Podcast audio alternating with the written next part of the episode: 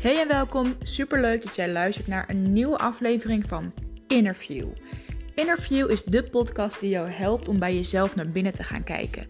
Wie ben je nou diep van binnen? Waar liggen jouw verlangens en hoe kan jij het contact met je innerlijke kind versterken? Waarom dat van belang is? Luister mee.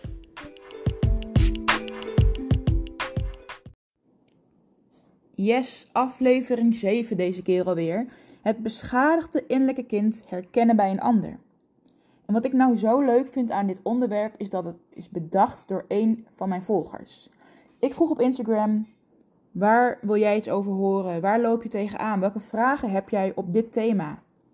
En daar kwam onder andere het beschadigde innerlijke kind kunnen herkennen bij een ander, maar ook mag je die dan daarop aanspreken als je iets ziet of herkent. En dat vond ik een zeer interessant onderwerp, dus daar gaat deze aflevering over. En mocht jij nou een keer denken van, hé, hey, dit onderwerp lijkt me heel interessant, of hier loop ik tegenaan, heeft het ook te maken met innerlijk kind en met jezelf ontdekken, laat het me dan vooral weten. Want ik vind het super interessant om met je mee te kunnen kijken, met je mee te kunnen denken, maar ook om echt naar jouw vraag en naar jouw wensen een podcastaflevering op te nemen. Want uiteindelijk is deze podcast er voor jou. Zodat jij jezelf kan leren herkennen, erkennen en omarmen. Dus denk je nou van, hey, dit lijkt me leuk, of dit vind ik interessant, of hier moeten we wat mee. Stuur me dan een berichtje. Dat kan of via de mail, tessa.megumi.nl, of op Instagram via megumi.coaching. Schaam je niet, voel je niet bezwaard. Ik vind het vooral heel erg leuk. Dus laat echt van je horen. Terug naar de aflevering. Het beschadigde innerlijke kind herkennen bij een ander. Mocht je de vorige afleveringen al hebben geluisterd, dan weet je nu globaal hoe je dat innerlijke kind eigenlijk kunt herkennen bij jezelf. Maar kan je het dan ook herkennen bij een ander? Want het feit is dat iedereen een innerlijk kind heeft en dat hij ook bij iedereen beschadigd is. Tenzij jij er jaren op hebt zitten van bewust innerlijk werk en daarbij ook echt specifiek aandacht hebt gegeven aan het hele van je innerlijke kind, lopen we nog allemaal rond met een beschadigd innerlijk kind. Natuurlijk is ieder op zijn of haar eigen manier beschadigd en zal je ook echt niet bij iedereen alles zomaar kunnen zien of kunnen herkennen. De vraag is ook: hoe relevant is het om bij iedereen te kunnen zien of ze wel of niet beschadigd zijn en in welke mate dan? En ja, wanneer je bijvoorbeeld een conflict hebt met je partner, kan het zeer relevant zijn. Want dan kan je later op een rustig moment hierover in gesprek. Ik zag dit gebeuren, ik deed dit en jij reageerde daar zo op. Dat is een patroon wat ik vaker bij je zie. Hoe zie jij dat? Je partner kan erover nadenken, kan ontdekken: hey, inderdaad, ik heb hier patronen in. Of hey, misschien deden mijn ouders dit ook wel. En kan er op die manier heel bewust mee aan de slag gaan. En op die manier kun je dus voor zorgen dat de conflict situaties in je relaties kunnen verminderen. Maar wanneer je met iemand bij een bushalte staat, is het totaal niet relevant om te kunnen zien hoe iemands innerlijke kind beschadigd is. Of welke patronen iemand heeft. Want wat heb je daaraan?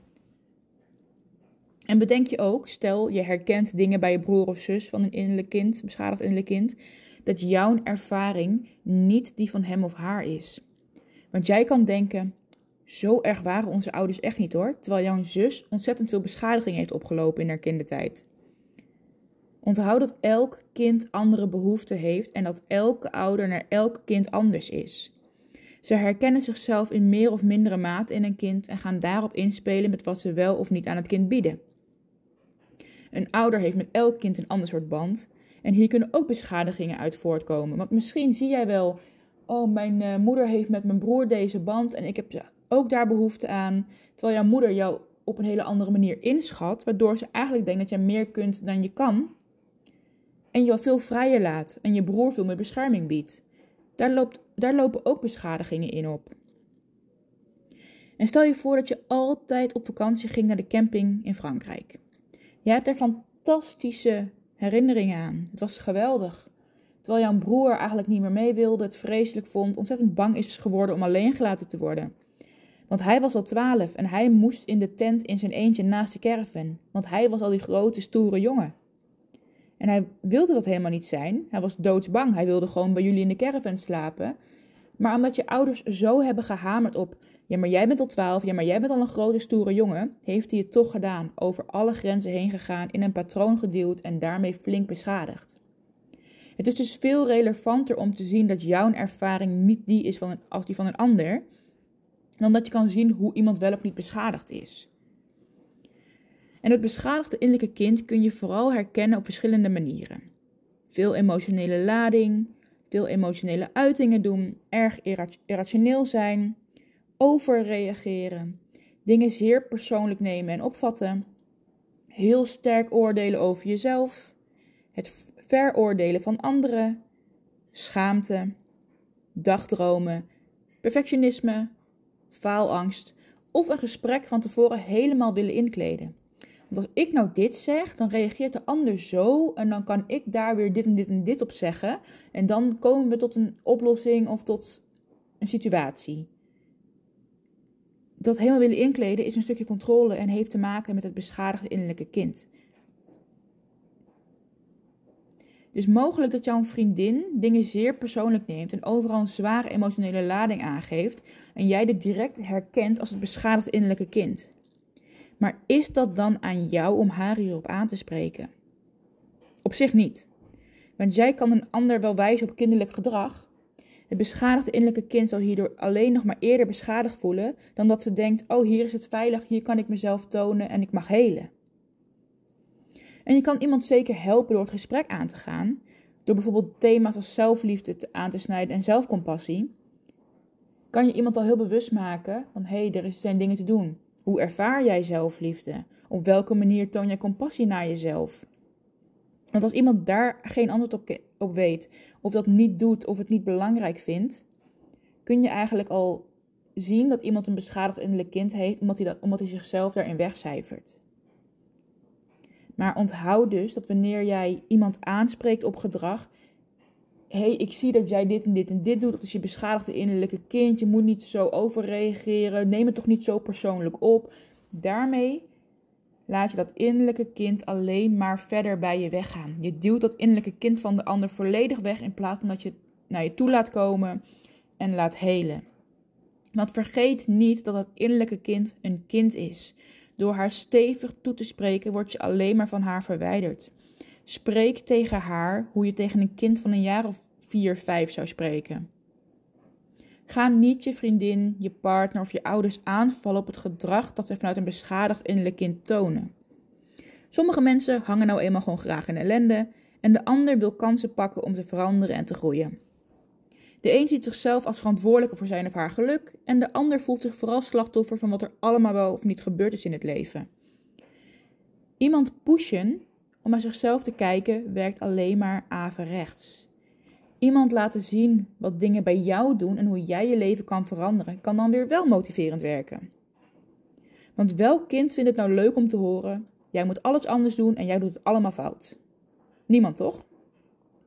Stuur ze bijvoorbeeld gewoon een keer een Instagram-post die hierover gaat, die jij interessant vindt, of een artikel door, zodat de persoon die jij daarin herkent het kan zien en kan beslissen: hé, hey, ik herken mezelf wel of niet.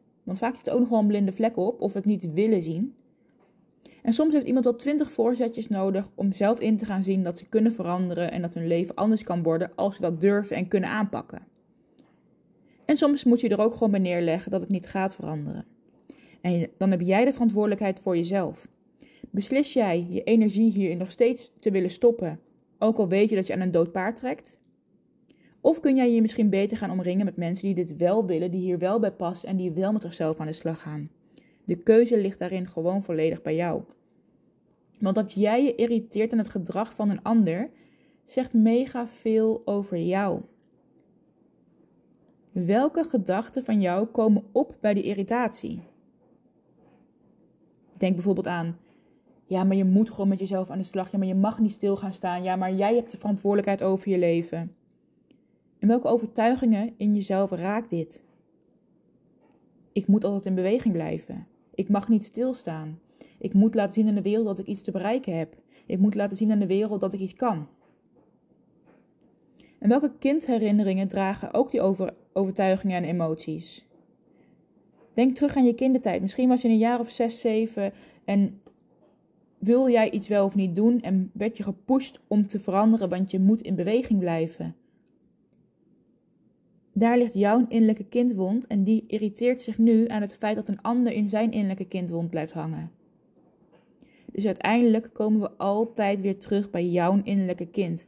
Pas als jij 100% heling hebt gevonden, pas wanneer jij jouw innerlijke kind kan bevrijden van al die belemmeringen, wanneer jij aan jezelf gewerkt hebt, dan kun je gaan kijken hoe je een ander daarin kunt ondersteunen.